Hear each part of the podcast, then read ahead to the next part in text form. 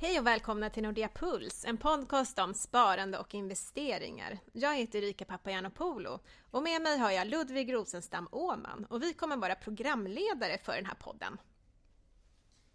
Det stämmer bra det Erika, nu kör vi igång det här. Men Ludvig, kan du inte berätta lite mer om eh, upplägget för den här podden? Eh, jo, men det kan jag göra. Eh, ja, men dels så kommer vi ju bjuda in eh, personer här i Nordea som eh, kommer prata om olika ämnen relaterat till sparande och investeringar. Vi har ju väldigt många duktiga personer här i banken som kan det här, så det här ska vi, så de ska vi dra nytta av. Sen har vi ett återkommande tema som heter Månadens bok där vi kommer gå igenom några klassiska böcker inom sparande och investeringar och ta ut det mest praktiska ur dem. Och sen kommer vi även ha rena frågeavsnitt framöver också på olika teman. Eh, namnet då, Erika Nordea Puls, hur har vi kommit fram till det? Ja, eh, Nordea Puls med ett E på slutet, det är för att vi är en nordisk bank och eh, den här podden finns i alla nordiska länder, men självklart med lokalt innehåll och med lokala programledare och gäster. Ja, så är det med det och eh, har vi något mer vi ska säga? Ja, till exempel hur långa kommer avsnitten vara? Eh, jo, men de kommer vara 20-25 minuter och de kommer släppas varje fredag och du kommer hitta dem i alla olika typer av podcastkanaler.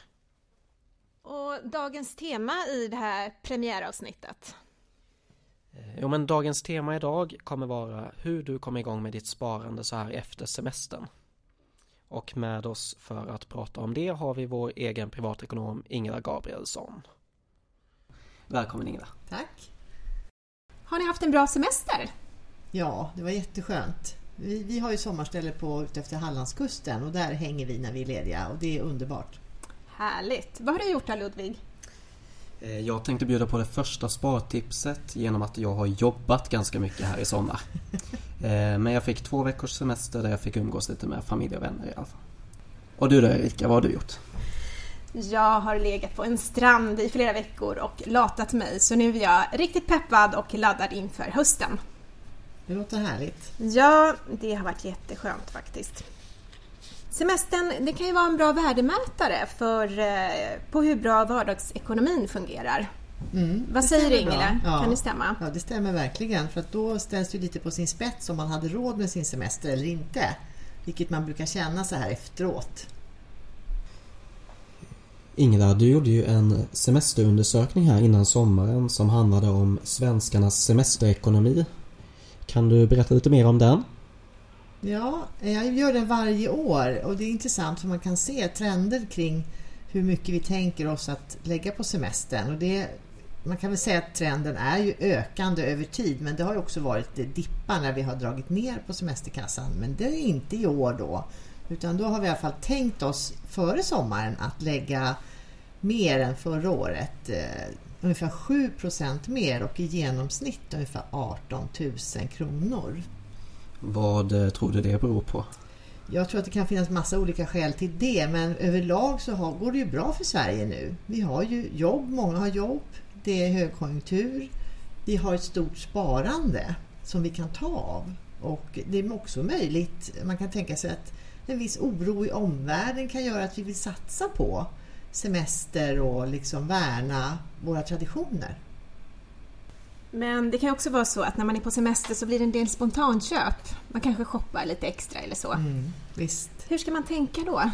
Jag tror att det är ganska bra att man kommer ihåg det, att det kostar att också vara ledig. För det kan ju vara så att vi har köpt semestern under våren och betalat en resa. Då känner man, vad bra, nu är semestern klar, vad skönt och vi har betalat och så vidare. Så kanske man inte riktigt kommer ihåg att det går åt en del just att vara ledig eh, och just att det kan finnas spontanköp. Man vill göra lite roliga saker på semesterorten och så och då kan ju pengarna trilla iväg.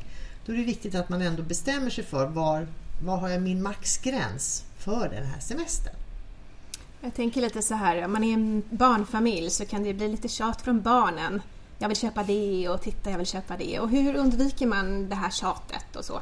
Ja, det kan ju vara lite tråkigt faktiskt att man varje dag ska diskutera vad man ska göra och inte göra, vad det kan kosta och så vidare. Så ett förslag kan ju vara att man ger barnen en egen liten semesterkassa som är, det, blir, det är vad de kan använda och då får de själva fundera över vad de vill lägga pengarna på. Man kan givetvis stötta dem lite i olika val men det är ändå ett sätt att slippa dagliga diskussioner och tjat om olika saker. Det kan ju bli lite tjafs om man, är, om man har en partner till exempel eh, på resan. Ja. Hur undviker man det? Ja, det är alltid tråkigt att bråka just om pengar och vad man ska lägga det på. Därför tycker jag det är viktigt. Är det så att man känner att man kommer in i det lite grann sådär, då tycker jag att man ska fundera över att man måste nog ändå prata lite mer om det här i förväg. Komma överens om vad man vill prioritera och lägga pengar på. Det kan väl också vara bra att eh, ha ett gemensamt semestersparande under hela året. Att man har automatiskt sparande till ett sådant konto och då vet man ju att det finns pengar. Det kan ju vara ett tips. Och eh, så här efter semestern nu då, hur eh, kommer man igång med sitt sparande? Det kan ju vara, kan ju vara så att man har tagit kanske lite för mycket av sitt eh, mm. sparande nu och kanske till och med använt något kreditkort eller så. Mm. Hur, hur ska man komma igång? Ja, i min undersökning om vi går tillbaka till den så kunde vi se att vi tar en del av sparandet för att finansiera semestern och det tycker jag är bra. Självklart ska vi använda vårt sparande. Det kan ju lätt bli så att man inte vill röra det när man väl har fått ihop en summa. Men då tycker jag att man ska tänka att man istället, precis som ni nu säger, att man kommer ihåg att fylla på efter semestern. Och det, då är det ju det här med automatiskt månadssparande som är den bästa metoden. Då sker det automatiskt och man behöver inte komma ihåg det hela tiden och de pengarna försvinner liksom iväg och, och då finns de inte tillgängliga. Så att det, man får helt enkelt eh, övervinna sig själv där. Eh, ungefär hur mycket tycker du man ska ha ett sånt här månadssparande som går automatiskt från inkomsten? Eh, ja, man kan tänka på olika sätt. Vi brukar ofta prata om att man, om vi tänker buffertsparandet nu som ju kan vara till semester och så och även till andra utgifter under året eh, så brukar man ju prata om mån, ett antal mån, nettomånadslöner. Det kan vara ett sätt att tänka att man ska ha kanske två nettomånadslöner i ett sånt sparande. Men om man tycker att det känns svårt att tänka i de beloppen så kan man ju också tänka i ett månadssparande. Ja, men jag kan spara 500 kronor i månaden till en buffert och så gör man det så att man ändå kommer igång. Så att man inte känner att nej, men det är ingen idé ens börjar. Hur ska jag få ihop två nettomånadslöner? Det viktiga är att man kommer igång där. Och efter ett tag så hinner det bli ganska mycket ändå. Ja, de 500 det kronorna mm. och det är det som kan vara lite mm. Det är det fina. Ja, mm, utan att man gör någonting. Just det. Ja, precis. Och eh, ja, men om vi tänker mer på det långsiktiga sparandet då. Mm. Hur ska man sätta upp mål för det tänker jag? Jo, det är ju så. Det är rätt intressant för det har jag lärt mig själv när jag lyssnade på ett eh, föredrag om vår hjärna, hur den funkar. Vi vill ju ha snabba kickar, det är vad hjärnan letar efter. Och ett långsiktigt sparande är ju inte en snabb kick, det får man ju erkänna. Men då får man, man, om man känner, förstår att det är så man fungerar så kanske det är ändå lättare känna att ja, men jag måste ta kontroll över mig själv här och jag måste bestämma mig för det långsiktiga sparandet.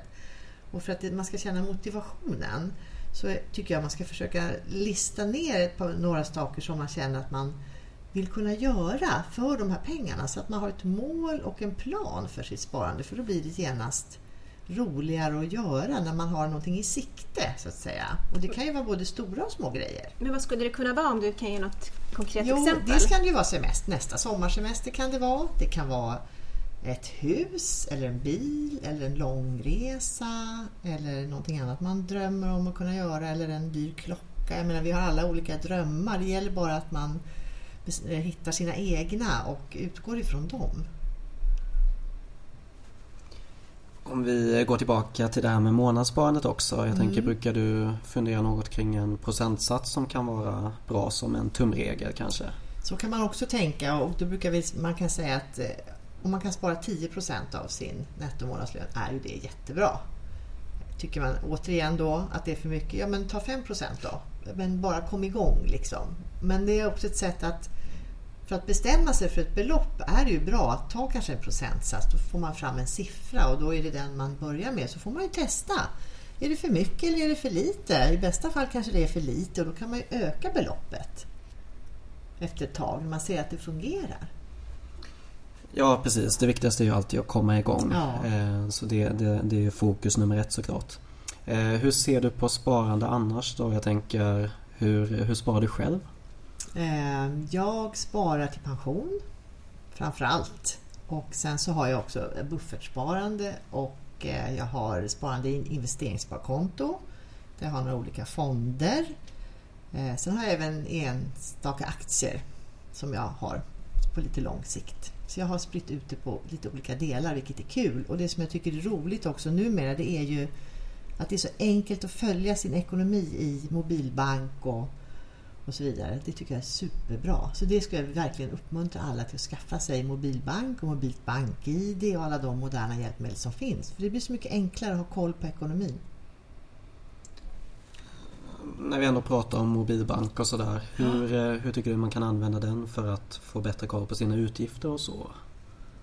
Har ja. du något tips där som du kan dela med dig av? Det finns ju, man kan ju också koppla in andra appar som finns idag som hjälper till att hålla reda på på ekonomin där man kan, som, kan dela, som kan kategorisera utgifter och liknande som man har. Så det finns ju många metoder. Jag vet inte om jag ska peka på någon särskilt men eh, man kan också det, det är enkelt att följa sina egna flöden bara i, genom att bara kolla in på saldon och liknande. Så Det tycker jag är en enkel metod. Och Sen kan man väl alltid jag menar, vi sitter inte och skriver en budget numera så mycket utan där använder vi nog annan typ av appar och liknande för att hålla koll och, och det är väl jättebra. Men annars då, har du några bra spartips? Ja, men det är viktigt att man har koll till exempel på sina småutgifter. Vad, vad, alltså våra, man kan kalla dem för ekonomiska ficktjuvar. Det är liksom, man tycker inte att det är så stora utgifter. Man kanske köper en ny topp Eh, på lunchen eller man köper eh, fika på vägen hem eller lite vatten eller en tidning. Eh, man tar en öl eller vad man gör. Allt det där är ju liksom inte så stora utgifter var och en för sig. Men det kan ju bli väldigt stora belopp om man bestämmer sig för att kolla in dem under en tid och kanske skriva upp dem eller titta efter vad, vad gör jag med mina pengar och om man bestämmer sig för att man halverar dem till exempel grejerna och istället sparar det så blir ju det pengar av det också i slutändan. Så det är väl ett väldigt bra tips tycker jag. Eh, sen ska man också unna sig saker som jag säger. Det är också viktigt att man har man ett bra sparande som många av oss har då tycker jag att man ska också använda det till sånt som man har tänkt sig en gång i tiden. Men som sagt att man kommer ihåg att fylla på igen. Ja men det, det, är väl lite så jag ser på sparande just att eh, men det handlar ju mycket om att fokusera på vad som är viktigt också. Mm. Och det, det, blir ju så automatiskt om man tvingas spara undan en viss procent av nettoinkomsten varje månad. Um, har du några tankar kring de större kostnaderna? Jag tänker på bostad eller uh, hur kan man tänka där för att uh, minska avgifterna? Ja, då får man fundera på... Eh, det är väldigt viktigt att man inte bor för dyrt egentligen till att börja med. Och tycker man att har man råkat så att säga köpa väldigt dyrt, vilket ju inte är så svårt idag att råka göra det om man bor till exempel i Stockholmsområdet och liknande. Så då tycker jag faktiskt att man ska byta boende till någonting som ger en en bättre ekonomi. Man ska ju också leva, man ska inte bara bo. Så det tycker jag är väldigt viktigt att man kommer ihåg det. Och, eh, ja, men tänk lite nya banor när det gäller boendet. Det finns nya områden, kanske man, hur kan man pendla? Man får väl liksom rita en ring. Var, var, var kan det funka för mig? Vi är lite olika livssituationer i livet också. Mm. Jag och Ludvig till exempel skiljer ju lite grann i ålder och ja. Eh, du är ju singel, Ludvig. Det, det stämmer.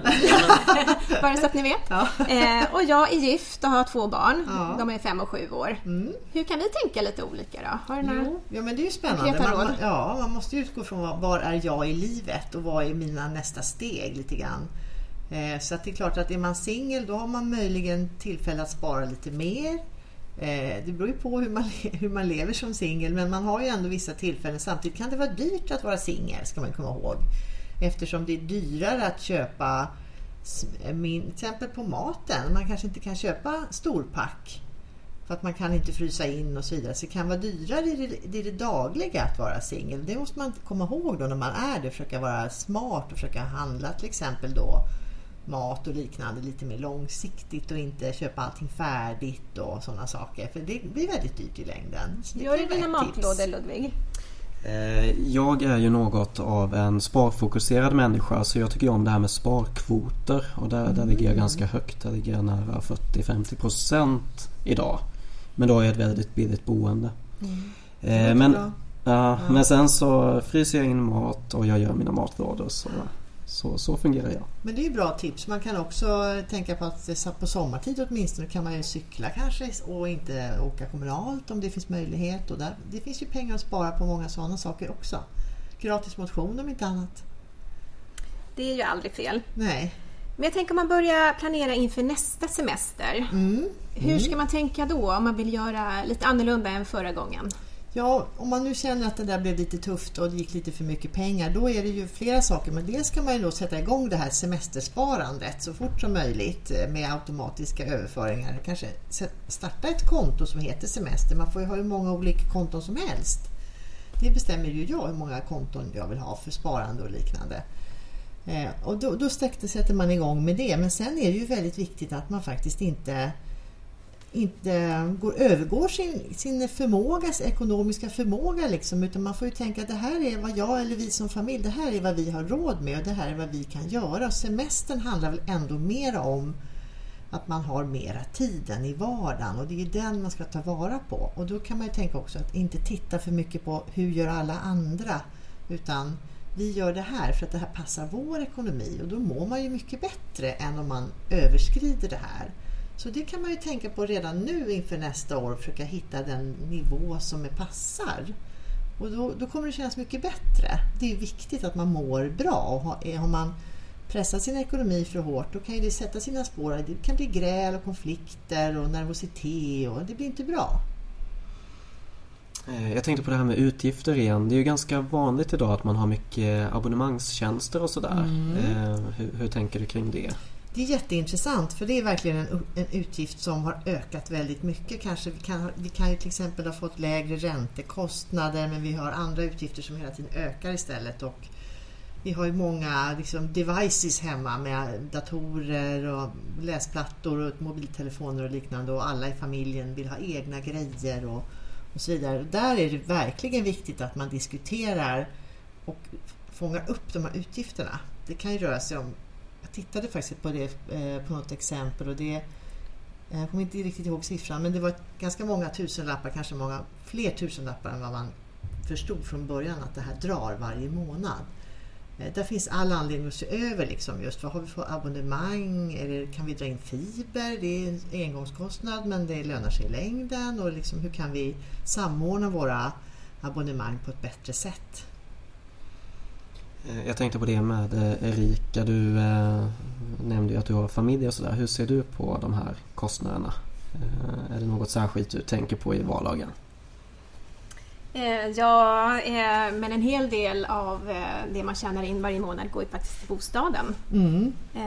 Även riktigt. om det också är en väldigt bra investering som man har gjort i sitt boende och över tid så har man kunnat också byta upp sig till lite större och så. Så att absolut, det går ju mycket pengar dit. Men eh, just det här med sparandet, nej men jag är ju väldigt inne på det här också att man delar upp som du säger, att man har ett eh, månadssparande till eh, till resor till exempel, till lite roligare aktiviteter mm. eh, och som man fyller på också. Men att man har såklart ett, ett barnsparande mm. och eh, sparar till sin pension ja. och att man har det där buffertsparandet. Ja. Man vill ju vara en stor det är det man fokuserar på nu, den här tryggheten. Man vill Just kunna sova det. gott om natten ja. och, och så. Ja. Så att det är klart att man kanske tänker lite annorlunda nu än när man tänkte, hur man tänkte Absolut. när man var singel. Ja. Det är, och det är ju helt rätt. Och just som du som man säger så här, befinner dig verkligen mitt i livet med alla de här med barnen och boen, bostaden och allting som man vill. Och man vill ju ordna så bra som möjligt för sin familj och man vill spara till många olika ändamål och det är jättebra. Men jag tycker också att man ska tänka att det kan gå upp och ner. Att man vissa perioder kanske man inte kan spara lika mycket barnsparande eller pensionssparande eller vad det är. Så att man också accepterar det. Att man kan vara flexibel där det är bra att ha dem där på plats så att man vet att det är de här områdena vi ska spara till. Men kanske under någon period så får man dra ner på det ena till förmån för någonting annat. Liksom det här leva här och nu också. Ja, men ja, precis. Mm. Och eh, nej, men till exempel när man var föräldraledig, nu var det ganska ja. många år sedan. Men då var det ju så att man drog ner lite grann ja. av naturliga skäl. Men, eh, men jag tror att det är ett väldigt bra sätt, eller funkar bra för mig, vår familj i alla fall, att vi har en plan och att vi, då undviker man det där tjafs och så. För det är ju väldigt trist att bråka om sådana saker. Så kan man känna sig lugn med att man vet att man har tänkt igenom det där. Och så för att man ser över det lite regelbundet också är bra och kollar av, är det här liksom ser det ut som vi tänkte eller behöver vi ändra på någonting? Ja men precis, mm. att man har en, en plan, en strategi Mm. som funkar. Men jag får bara ställa en annan fråga Ja. just när vi är inne på det här med barn och så. Ja. Eh, min äldsta dotter är sju år och min Ja. yngsta är fem år. Ja. Jag tänker på det här med om man ska börja med månadspeng eller veckopeng eller så. Ja, kul att du frågar, för det är ju verkligen ett jätteintressant område tycker jag. Det vi har sett är ju att andelen föräldrar som ger regelbunden fickpeng till sina barn minskar ju hela tiden. Och istället är det så att man kanske ger pengar då och då eller att man, ja, man tycker liksom att vi köper ändå allting. Och jag tycker det är en tråkig utveckling för jag tycker att man måste, dels får man inte eh, liksom kliva av ansvaret som förälder att lära barnen lite grann om pengar och hur det funkar. Och sen ska man också visa sina barn ett förtroende genom att ge dem egna pengar som de faktiskt får bestämma över själva. Det behöver inte vara mycket. Men en av grejerna med det här, varför det blir så här, är ju också för att vi, har inte, vi går inte omkring med kontanter längre. Så det, förr kunde hade man en 20 som man kunde räcka över. Nu gör vi ju inte det och då får man hitta andra metoder. Och jag tror att vi kanske krånglar till det mer som har varit med om skiftet än vad barnen gör. För barnen är ju, växer ju in i vår nya digitala värld på en gång. Så för dem kanske inte det är konstigt att de har ett konto som de kan titta på eller man kan titta tillsammans och visa. Och att de, man får ge dem kontanter eller ett kort kan de ju få ha när man känner att de är mogna för det. Eh, som de kan hantera. De ser ju hur vi gör. Och då vill de göra likadant. Så alltså, varför ska de göra på ett helt annat sätt? Det, det blir också konstigt. Eh, men jag tycker att man ska ge och eh, följa upp. Prata med barnen lite grann. Vad, vad kan du använda pengarna till? Vill du spara någonting? Vill du spara till någon lite dyrare grej? Och hjälpa till där. Pengarna Ja. kan faktiskt ta slut också. Ja, och det brukar ju vara 6-7 års åldern är väl en ganska lagom tid att börja för då ja, de går över lite i skolans värld och Ja. de, de blir ju lite större helt enkelt. Ja, men de börjar kunna räkna och Ja, sådär också. Så ja. att, eh, men sen beror det helt på hur barnet är. En del barn är jätteduktiga och andra är inte duktiga alls. Och, och så är det ju faktiskt. Men de, då har man ju tillfälle att hjälpa till. Eh, Jag tänkte på det här, vi pratade ju lite om det här med människans tendens att vilja ha snabba kickar och sånt. Ehm, Det är väl något som vi alla får kämpa med. Både om det gäller sparande och träning och allt möjligt. Mm. Men eh, är det något som eh, du har tänkt på där som gör att man kan undvika detta så att man får in en vana av att inte spendera för mycket? Man, man måste ju på något vis kunna vända på det där tänker jag, att man får en kick av att inte spendera. helt enkelt. Exakt. Det kanske är en träningsfråga det också. Men eh, det finns ju... Ibland är det väl lite skönt. Vad man kan göra är ju att testa en sån här eh, köpfri månad eller ha någon form av shopstopp eller vad vi ska kalla det för. Eh, och prova helt enkelt att inte... Ja, men klart man köper det nödvändigaste och man betalar sina räkningar och så vidare. Men man köper ingenting annat utan man låter helt enkelt bli det. Och det tror jag är en kick i sig. Eh, om man testar det så upptäcker man ju det och det kan ju vara en befrielse. Har vi inte redan tillräckligt mycket av allting egentligen? Jag tror att det kan vara rätt nyttigt att göra och det är klart att ibland så, så kan man ju tycka att Åh, det där hade jag velat köpa men det kan vara också en lättnad att man, man slipper släppa hem det där. Mm. Jag tror faktiskt jag kan anmäla mig frivilligt. Ja. Jag ska testa det Ja. nästa månad och sen så kan Det jag kan prata- rapportera här hur det går. det är jättebra Ja. idé. Det kanske finns Ja. fler som vill hänga på. Exakt. Ja. Ja. Jag skulle kunna testa att spendera en månad då kanske. Kan vara min utmaning. Ja, Det du, är så, du, du är redan Ja. kanske så duktig på att spara. Du kanske behöver prova det. Vi ska faktiskt säga att både jag och Ludvig är faktiskt från Småland, även om det inte hörs riktigt på min dialekt. Så att, jag vet inte om det ligger någonting där i. Vad säger du? Eh, Ja men det kan finnas något eh, där kanske. Jag har alltid varit väldigt sparsam i alla fall. Det har jag. Mm. Eh, Men jag tänkte tillbaka till det här med att eh, shoppa och så. Mm. Man brukar också säga att ja, men 80-20 principen att man använder eh, 20% av sina kläder 80% av tiden. Så det där kan ju vara en sak också. att Kolla vad man har hemma och så. Har du, har Ja. du tänkt på det? lite? Ja, absolut. Det är sånt jag också brukar ta upp. att eh, Istället för att köpa då ytterligare en svart topp så man gå hem och titta hur många har du hemma. eh, och liksom, är det så att du har kläder och sånt som du inte använder, ja men då kanske du kan skänka det eller sälja det på second hand eller låta dem leva vidare i någon annan form så att säga, ändå komma till nytta istället för att bara hänga där och ta plats i garderoben. Ibland är det väl så att det, det är trångt, man ser ju inte vad man har helt enkelt. Och då, hur, när använde jag det här senast? Då, liksom, och, okay, istället för att gå på stan och shoppa, lägga lite tid på att gå igenom vad man har, se det kanske kan gå att få till en jättesnygg ny kombination av det som hänger där. Det är en utmaning och det är en kick, tycker jag. Precis. Om vi skulle ta och sammanfatta det här första premiäravsnitt av Nordea Puls. Eh, Ja. vad, skulle du säga är de tre viktigaste sakerna att tänka på? Vi har ju pratat om många olika saker här, det var verkligen kul. Eh, Men en sak är ju att, vi kan ju börja med semestern för det var där vi började, att sätta en gräns för hur mycket semestern får kosta och starta upp ett semestersparande till nästa år. Det är en viktig grej. Eh, Sen är det viktigt att också titta till exempel vad har jag för buffert och var befinner jag mig i livet och vilka är mina sparområden och sätta upp mål så att man blir motiverad för både kort och långsiktigt sparande. Och så är tredje. Det tredje tycker jag är det här att testa ett köpstopp. Det är väl en rolig grej att se hur, hur känner jag mig då?